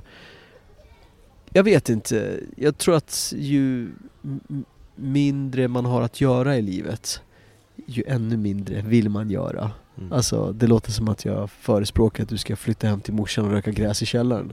Men eh, ehm, det är väldigt skönt att stänga av när man redan har ett lågt tempo också. Så just nu så tänker vi att vi ska liksom balansera vår stressiga livsstil med... eh, har du, gjort, har du, du har väl gått massa yoga du också? Ja, ja. Har, har du sett den här roliga stunden när folk rusar in med yogamattan? ja. Så här, du, måste- jag måste stressa mig till lugnet. ja. Man bara oh fuck, de där världarna möttes riktigt dåligt Ja. just nu. Ehm, det är ohållbart. Mm. Eh, Vill man göra meditation på riktigt, om man vill vara hardcore, då ska man gå ner en eller två dagar i veckan i arbetstid. Ehm, ta, ta ner ambitionen, du behöver inte göra de där projekten. Ta livet som ett maraton istället, för då kan du slappna av egentligen. Liksom. Du behöver inte vara helt beroende av att säga jag måste yoga eller meditera för att komma ner i någon lugn. För att hela ditt liv är ju lugn. Och när du mediterar då så blir det bara stilla. Um, flum? Nej, nej. Nej. Det var too spacey shit. nej men jag vet, alltså jag vet ju exakt, jag, jag, det, det, ibland är det så knepigt att förklara meditation för det kan ju lätt bli rätt flummigt. Men hur känner du att vi, den stora egentligen missförståndet om meditation det är den här att ah, du vet det blir inte tyst när jag mediterar. Mm. Hur blir det för dig när du mediterar? Sitter du där i en halvtimme och det bara, du hör ingenting, det är helt tyst, inte en tanke? Hur? Nej, jag tror att det är väldigt bra att um, Jag brukar meditera på gymmet mm. utan lurar och på bussar och sådär mm. Det är ganska bra för att det är ju liksom, det, det är acceptans, det låter så här Ja, du hatar barnskrik, men nu är du på en buss och du mediterar och nu jobbar du med det där Don't fight it det, går, det, finns ingen anledning att, att kämpa mot saker liksom. Det, ja, jag sitter här på gymmet. Det är lite pinsamt för jag blundar just nu. Utan lurar. Folk kanske undrar vad jag gör. Och nu känner jag mopp mot min fot. Så det är någon som städar bredvid mig. Äg det. Bara sitter kvar där en stund. Det är skitkonstigt. Men livet är konstigt. Du är skitkonstig du också. Mm. Förmodligen tycker städaren också att hon eller han också är konstig när det där händer. Så att jag, tror att, jag tror att det är nyttigt att så här, sätta sig på en stökig plats där man stör sig också att man lär sig det.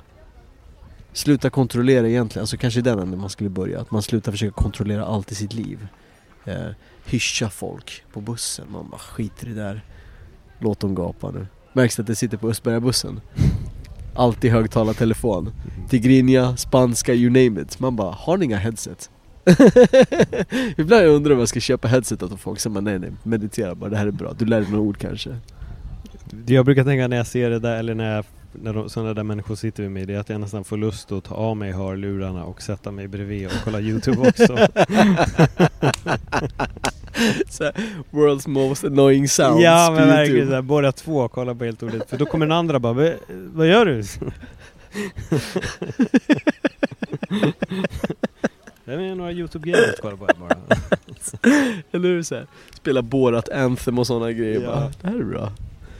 Nej men mer meditation åt folket. Alltså det är ju verkligen Jag gjorde ju också det där med att jag brukade sätta mig på balkongen och sånt och meditera under vintertid. Mm. För det är... Det är så sjukt många faktorer som gör att du vill gå in. Nummer ett, det är kallt, det kan blåsa också men, men kylan framförallt kommer ju vilja få in dig och det är bra att kunna ta 10 minuter i, i 5 eller 10 minusgrader och bara sitta där och acceptera att det är kallt. Mm och ägde. Fan det där vill jag göra för att jävlar vad du badade mycket och ja. Du har haft mycket så här kall, så här kalldusch och kylgrejer. Ja. Som jag bara, fan jag, jag känner att du är så hardcore på det där. Bara, hur eh, Jag har kommit av mig kan jag säga. Du har inte... bara, nej jag har kommit av mig, det är bara att börja och duscha kallt. Alltså det är inte svårare än så. Ja. Och just börja med att sitta ute i kyla, det är nog det bästa sättet. Mm, Att bara vänja sig vid luften. För att kliva ner i vattnet är en annan intensitet men att kunna vara i kalla luften till att börja med, det är, alltså det är en väldigt bra start. Jag gjorde det nästan varje kväll, att jag slängde ut en handduk på balkongen, satte mig i kallingar och mediterade. jag brukar till och med duscha kallt innan också och gå ut blöt. Oh my god, och hur kallt är det ute då? då? Det var väl fem minus. Oh my, oh, men där måste man vara rutinerad, för det går inte bara att göra det första gången. Men det var några gånger då håret blev ju, inte is, men det började bli lite frostigt. Shit! Ja men fan, det, åh oh, gud. Men va, va, hur, hur påverkar den psykologiskt då? För jag tänker att man måste bli resilient mot andra grejer för att du flyttar väl gränser när du gör det där? Ja. Ja men det är nog det man gör. Jag fick lite frågor så här, varför, varför mediterar du där? Jag bara för att jag vill kunna meditera där. Det var det som det handlade om för mig. Jag vill, jag vill kunna sitta i kylan och stänga bort. Alltså stänga av. Och då handlar det inte om den här tystnaden som väldigt många tror fortfarande. Det är nog det största missförståndet man kan ha om meditation. Det handlar inte om att det ska bli tyst, det handlar om att tankarna ska få gå från en mm. till en annan. Inte så här ska flyga utan lugnt bara. Så jag fram och tillbaks. Men kan man göra det i kyla också då det blir inte mycket som blir jobbigt. Mm. Om man kan sitta där och, och, ändå hitta någon form av lugn och avslappning i det. Så. Wow, det, det, det är det här som gör alltså att vi är komforta mm. gör ju att vi faktiskt inte tar oss någonstans. Nej. Um, Jag Och- gjorde en hel podd om det, bli inte för bekväm. Bli inte för bekväm. Ja men fan man blir ju, man blir ju en ganska enkel person i bekvämligheten. Så Ja. vi, vi söker oss till bekvämligheten Mm. idag. Jag vet att du vill släcka podden här nu och röra dig hem för du har fått nog av det här samtalet. och jag har kollat på den här gratiskaffen där borta som de delar ut. Och du kanske är lika kissnödig som jag är. Men jag tror att så här, bekväma människor och komfort gör ju att vi liksom, gud jag låter som en youtube-guru, jag hatar dem. Men så här, att man uppnår inte det, eh, något annat i sig Nej. själv. Ehm, man lyckas aldrig spränga ramarna för att jag tror att vi är så fokuserade, det är så resultatinriktat att säga att man ska hitta sig själv man ska skapa ett nytt jag och så sådär. Men att bara komma utanför det man är, det är Mm. också värsta grejen. Det är värsta vallen, att spränga Ja. liksom. Att komma utanför den är ju jätte, jättesvårt. Mm. Det är därför jag, du hör ju hur jag låter nu, jag har sovit i kyla och grejer. Jag bara, "Pff, jag skulle kanske inte ha gjort det där. Varför ska du vara så jävla extrem för liksom? Kan du inte bara ta en varm natts sömn någon gång? Sju, åtta timmar, du vaknar upp, du tar bara en kaffe, det första du gör, du går inte till gymmet, du tar inte världens längsta Gör något enkelt liksom. Mm. Läs tidningen. Jag har en svärmor hemma hos oss som har bott hos oss i tre månader nu. Eh, deltidsbor i min nya husbil och i Östberga. Och jag märker att hon är verkligen så här. ska hon inte vara hemma nu, ta det lite lugnt. Och då blir jag så här: nej det ska jag inte. Alltså man blir ännu mer motströms när man märker att andra är för bekväma. Ehm, det är som en påminnelse om att så här, shit, vad, shit vad man måste komma utanför sitt sin, sin trygga lilla plats liksom, sin snuttefilt. Fan när man tar sig ifrån sin snuttefilt. Jag Vem är man då? det är det allt handlar om. Man måste bryta bekvämligheten, våga göra annat. Lite som det du nämnde också, bara det här med att gå i Stockholm Pride. Även om det var en viss känsla första gången så du bröt den bekvämligheten och du gick. Man fortsätter. Det är det vi måste göra hela tiden. Mm. Sluta vara bekväma. Jag vågar inte öppna någonting eller för du vill stänga Jo, podden. öppna. Ska jag öppna Vad någonting? tänker du på? Nej, jag är bara tacksam för att eh, det här är fjärde samtalet va? Ja, jag tror det. Fjärde eller till och med femte kanske. Kan det vara. Vi gjorde en, en timmes podd, en två timmars podd, en tre timmars podd. Sen poddade vi hemma. Tre, gjorde vi en tre Och- timmar? Ja, sen poddade vi hos mig en gång. Så det här är nog femte. Jag skulle nog tro att Är det det är så? femte gången. Ja, jag tror Jag, det. jag är bara tacksam, jag har ingen podd jag kan bjuda in dig till känner jag. Hundpodden. om Släng in mig på hundpodden. jag är uppväxt med hund. Jag kan berätta om min, min barndom med schäfer. Du hade en schäfer? Ja, ja. Ja. ja. ja vi gick här jättemycket. Du känns inte som en jag brukshund. Nej, men mamma, mamma hon vann ju massa priser i det där. Hon tävlade ju grejer. Hade ju en spår, spåra. Mm. Tyckte hon var sjukt kul och plockade ju hem fan ett gäng jävla priser med, med Irja som hon hette hunden. Jo då. Ja, men vi, vi hade hund. Det var, alltså det är ju fantastiskt. Men jag tror också, anle- alltså, jag tror så här, hade jag inte haft hund då hade jag skaffat hund. Men med tanke på att jag har haft hund så vet jag vilket stort ansvar det är. Mycket. Och jag tror att väldigt många ve- förstår inte ansvaret med hund utan de är bara så åh hund, kul! Mm. Och sen fattar de inte att det är uppfostran och det är massa Det är så mycket jobb med en hund och kan man inte ta det jobbet ska man inte skaffa hund. Så det är egentligen Tänk verkligen efter. Bara för att det är corona och lite nice med att ha en hund men det är jobb. Min mamma hon arbetade med hunden jättemycket alltså. Och åkte ut på de här långa promenaderna varje dag så stack hon ut, gick långt och verkligen. Och det är det en hund måste få det där. Mm. Eh, och jag tror att hade jag varit ovetande som det, då hade jag redan skaffat hund och lärt mig den hårda vägen. Men nu när jag vet så är jag så här, jag vill så gärna ha hund men just nu har jag verkligen inte tid för Mm. att lägga det jobbet på en hund. För jag fattar vad som krävs för att ha en hund. Men det hade varit så mysigt att ha en hund och det är så många gånger som jag har tänkt på det. Så till slut kommer jag att ha hund. Det kommer komma en dag då jag har en eller två hundar. Ja, det är 100%. insiktsfullt, jag gillar Ja. det. Fan det är, det är bara att åka till Spanien och plocka några. Ja, Jättemånga stackare som bara dagdriver där som jo. Gud alltså spårchefen Irja har lärt dig mycket Ja. om, om vad det innebär tidsmässigt Ja, och logistiskt. Ja. Det är skitmycket alltså. Jag har två jävla hundar, jävlar vad mycket tid det tar. ja. Det är... Jävlar, det är de som är ute och går med mig känner jag. Det är de som, de, de typ äger mig. De gör ju det. Nej. Men egentligen så här väcker det tankar om någonting större. Det är att alla relationer kommer ju med mycket. Ja. Um, jag gick på en dejt med en tjej som hade varit någon sån här proffsnanny. Mm. Ehm, för, för en person som hon inte fick säga namnet på. Oj. Och Jaha okej, ja, jag trodde De- med att hon inte fick säga namnet till personen. Jag bara oj. ja, jag fattar. du jobbar för mig, men du får inte säga mitt namn. Nej men du vet, de är så jävla, de är så mycket hemligheter. Ja. Men det var så här. De skaffade ju barn mer eller mindre utifrån Excel-ark. Ja, och eh, kunde outsourca föräldraskap på nannies. Och det är ju det, det, när vi tänker efter det så gör vi det väldigt mycket med förskola. Mm. Det ska ju ta hand om mitt barn och så här.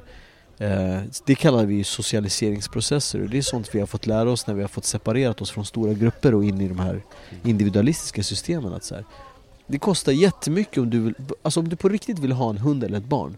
Det är inget svårt. Nej. Men om du verkligen vill ha ett barn, eller en hund, eller en katt eller en nymfparakit. Alltså, det, det där, en relation kostar mycket i tid. Det är folk som inte fattar det och vet inte hur mycket tid du måste disponera i det. Att så här, det här är någon du lever med. Det är inte någon du bara ska ha som jävla handväska liksom. Så att, och med, med djur är det lättare för att när jag är färdig, då är det Marketplace, det är Blocket, det är fan vet jag liksom. Men med eh, partners, eller med barn, eller så det går inte. Mm. Speciellt med barn, du kan inte göra det. Men hade folk kunnat lägga ut dem, jag lovar att folk hade kunnat göra det. Det hade inte förvånat mig. hur, hur hårt den låter, men det hade nog inte förvånat mig om vissa hade resonerat så. Ehm, men du har hört uttrycket om att hundar har förstått kärlek. Nej?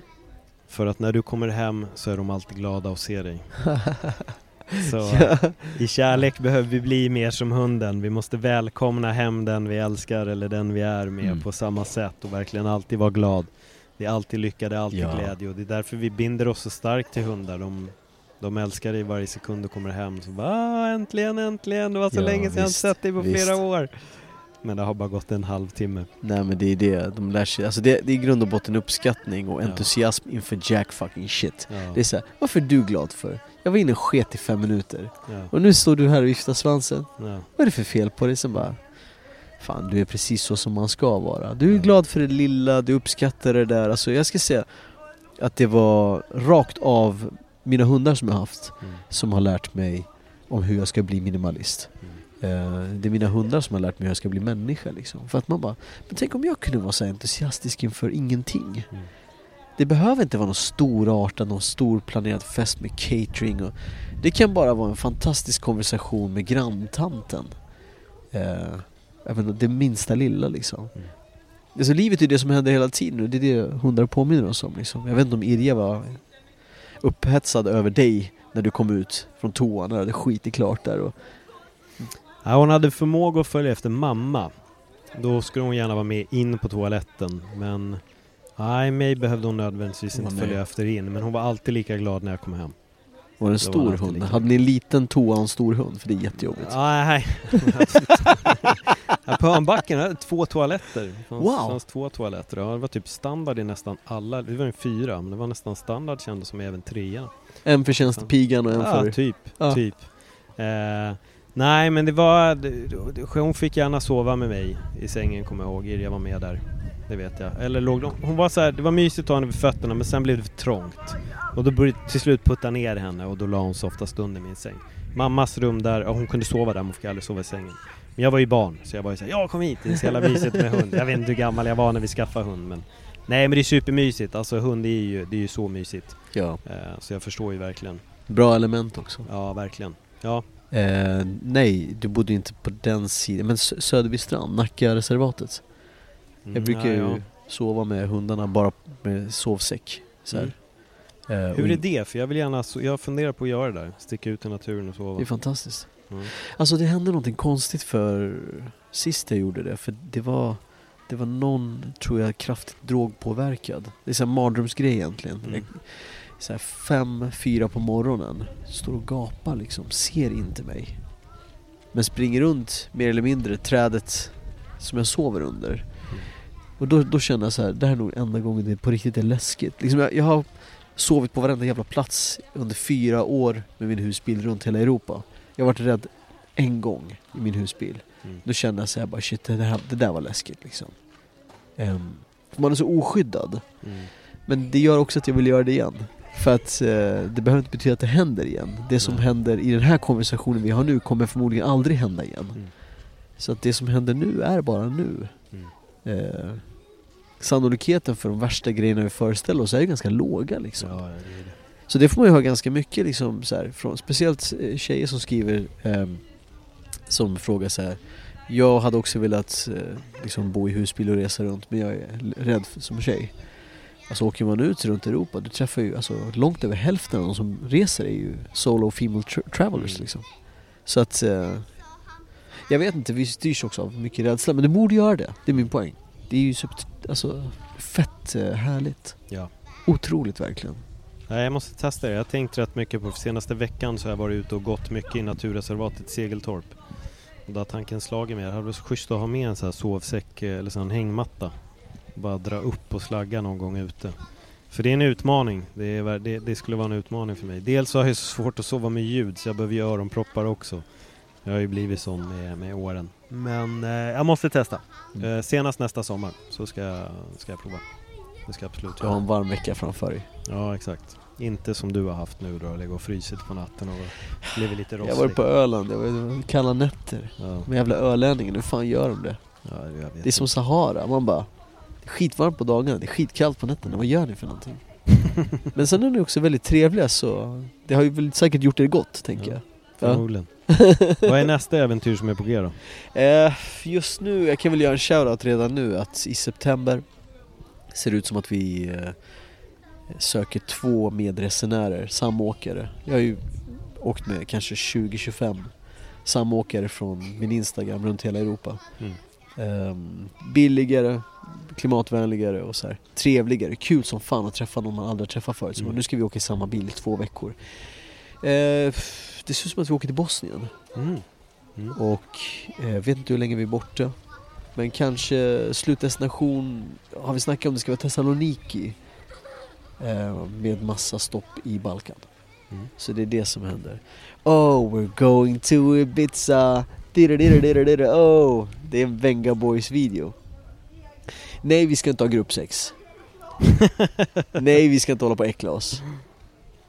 Traveling Nej. light, vi har det trevligt, slow living. Tog bort alla, alla frågor där och min frustration över tvåsamheten som måste hållas. Ja, du måste bara vara helt bekväm med och nu säger jag det för att trigga på. Hur hade du reagerat om så här Helt plötsligt, vi har inte kontakt under ett år, min podd helt plötsligt hamnar på is Jaha. Och sen ser du så här, slu- början på nästa höst, slutet på sommaren dyker upp Paul Elvaje, tvåsamhetspodden, så här gör du Du, jag hade inte blivit, jag hade inte blivit förvånad, jag svär på allt. Jag har slutat bli förvånad. Jag blev det efter metoo. Eh, nu Ja. kopplar jag det direkt till metoo här. Ja, nice. Nej men det var många gamla kollegor som man bara Va? Ja. Du? Och sen så tillräckligt många gånger av Va? Du? Men också sen när folk man har snackat vissa saker med helt enkelt bara så här. Nu har jag ju börjat testa det här, man bara Va? Du? Mm. Så jag tror att eh, du är helt och hållet redo på att bli Tvåsamhet. Ja, du, du är redo för en öppen relation eller någon eh, En bottom i en triad kanske?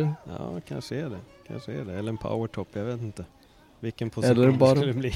Det spelar ingen roll vad det hade varit Det som gör dig glad, jag hade stöttat till 100% Då som min polare sa, jag bara, men vad är du, top eller bottom? Han bara, Paul I'm versatile. Så det är lugnt. Det spelar ingen roll för mig om det är topp eller botten Det hade varit så jävla enkelt att vara bisex, eller nej, politiskt nej och folk, man blir diskriminerad och så. Ja. Men jag menar bara vart man än går någonstans. Mm. Man bara Du är snygg, du är snygg. Jag dras till dig, jag dras till dig. Men Heterosexuell är skittråkigt egentligen. Är det inte det? Men det är väl för att vi är olika, det är väl det det handlar om. Ehm, Ja, jag tror att det är det. Mm. Vi är så pass olika, killar förstår killar och sen Dras vi antingen åt ett kön eller ett annat liksom. Det är väl lite det Men jag tror att det där, där blir lite kruxet ibland med det som är den heterotiva normen eller vad man ska säga Vi är Mm. väldigt olika som människor Ehm, Och då måste man kompromissa om det här att relationen ska funka Nej men Fan. Men det är svårt, alla människor är ju komplexa Alltså du Mm. Kan ju nog både vara kille eller tjej och dejta en av ditt eget kön och tycka att den här människan är helt underlig, alltså jag fattar verkligen ingenting. Mm. Sen kan man vara straight och träffa en av andra könet bara Fan vad vi förstår varandra. Det är ingen skillnad alls där.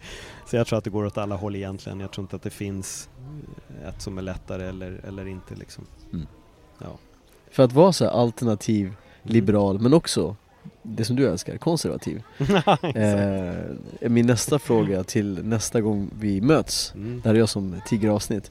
Eh, hur MMA-världen tar emot det. Men det vill jag inte svara Jo, på nej nu. men du- du kommer få det svaret. Ja. För att det här är nog den klassiska så här, största missförståndet som folk har om MMA. Eh, det är den mest genusaktiga sporten skulle jag säga. Hur menar du? Eh, för att vi har, då ska jag väl säga att det är mer, jag vet nu ingen kanske direkt i UFC som är öppet bög då Mm. säga, kille. Men vi har jättemånga öppna lesbiska. Vi har haft, nu är inte hon champ längre men Amanda Nunes en av våra bästa mästarinnor, en av de bästa tjejerna att utöva MMA. Är liksom öppet homosexuell, lesbisk, hennes flickvän fightas i UFC. De har nyligen skaffat barn ihop. Så att där är det, det är, det är väldigt ehm, Ja, jag skulle säga att det är nog den mest eh, starkaste genussporten. Och då går vi från Dana White som är president som gick ifrån att säga “Girls will never fight in the UFC” till att helt vända till att nu ha tjejer som kör main event och Tung. det finns även Pride-brallor som du kan ha. Där är lite tråkigt däremot så var det en kille som hade på sig dem som fick lite backlash för det.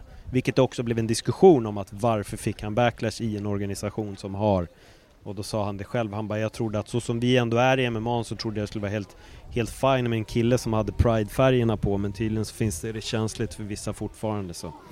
Det finns idioter i alla hörn men med det måste jag nog ändå säga att jag kan känna mig ganska stolt över Mm. MMA, att det Nice. är väldigt snygg eh, fördelning där vad gäller det, det sexuella om man ska säga så.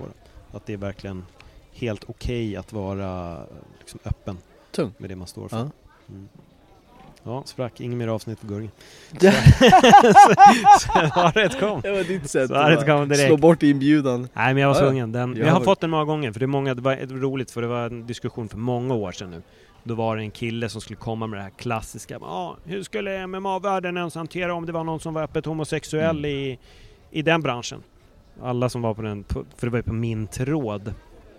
De bara, ja det märks att du inte har koll på MMA med tanke på att en av de kvinnliga mästarinnorna är öppet lesbisk och hennes tjej organisationen. Men, men absolut, fortsätt med dina fördomar om MMA du. Då blev det ganska Men tyst det, det är så här, jag tror att det är ganska jobbigt för, ehm, för oss som blir klassade som radikalfeminister ganska Mm. ofta för att det är en sån manligt kodad sak Exakt, ja. och därför så måste den också innehålla alla äckliga manliga saker ja. eh, per automatik. Mm. Så att det finns också en, och det är någonting man måste ta tag i, det finns, eh, det, det är väldigt mycket bärsande mot män i grupp. Mm. Vi umgås ju homosocialt idag. Mm. Kvinnor med kvinnor och män med män. Ganska mycket, jag säger inte att det är så men Mm. vi, det, det finns ett mönster liksom. Och då vill vi automatiskt tycka att allt som män gör är lite eh, pa- mer patetiskt för att de står högre upp i näringskedjan. Eh, Så då kan man bärsa nästan allt som män gör. Och det är inte heller så rimligt liksom. För att vi måste ju bärsa sånt som skapar ojämlikhet. Mm. Ehm, så liksom. Jag är rädd att jag ska öppna någon ny grej här.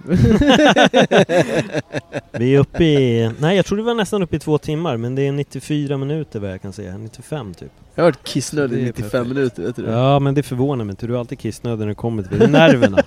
Det är nervositet att komma till öppet sinne och se ja. vad terapeuten Paul ska trycka på den här gången. Öppet sinne, borde heta stängd blåsa. Ja precis. Öppet sinne och stängd blåsa. nej men du ska få gå på toaletten nu. Gurgen, om folk inte redan följer din, dig på din resa, vad hittar man dig då?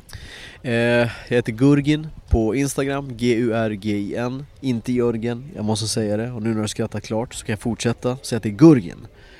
Hör att det är en rutin jag gör. Mm. Ja. Det är så, jag slår bort det, det är det första folk tänker på. Man bara, ge mig inte 1.0. Motherfucker, ge mig 2 eller 3.0 i alla fall. Ehm, det var någon som trodde att det hette Burken, det var ganska kul.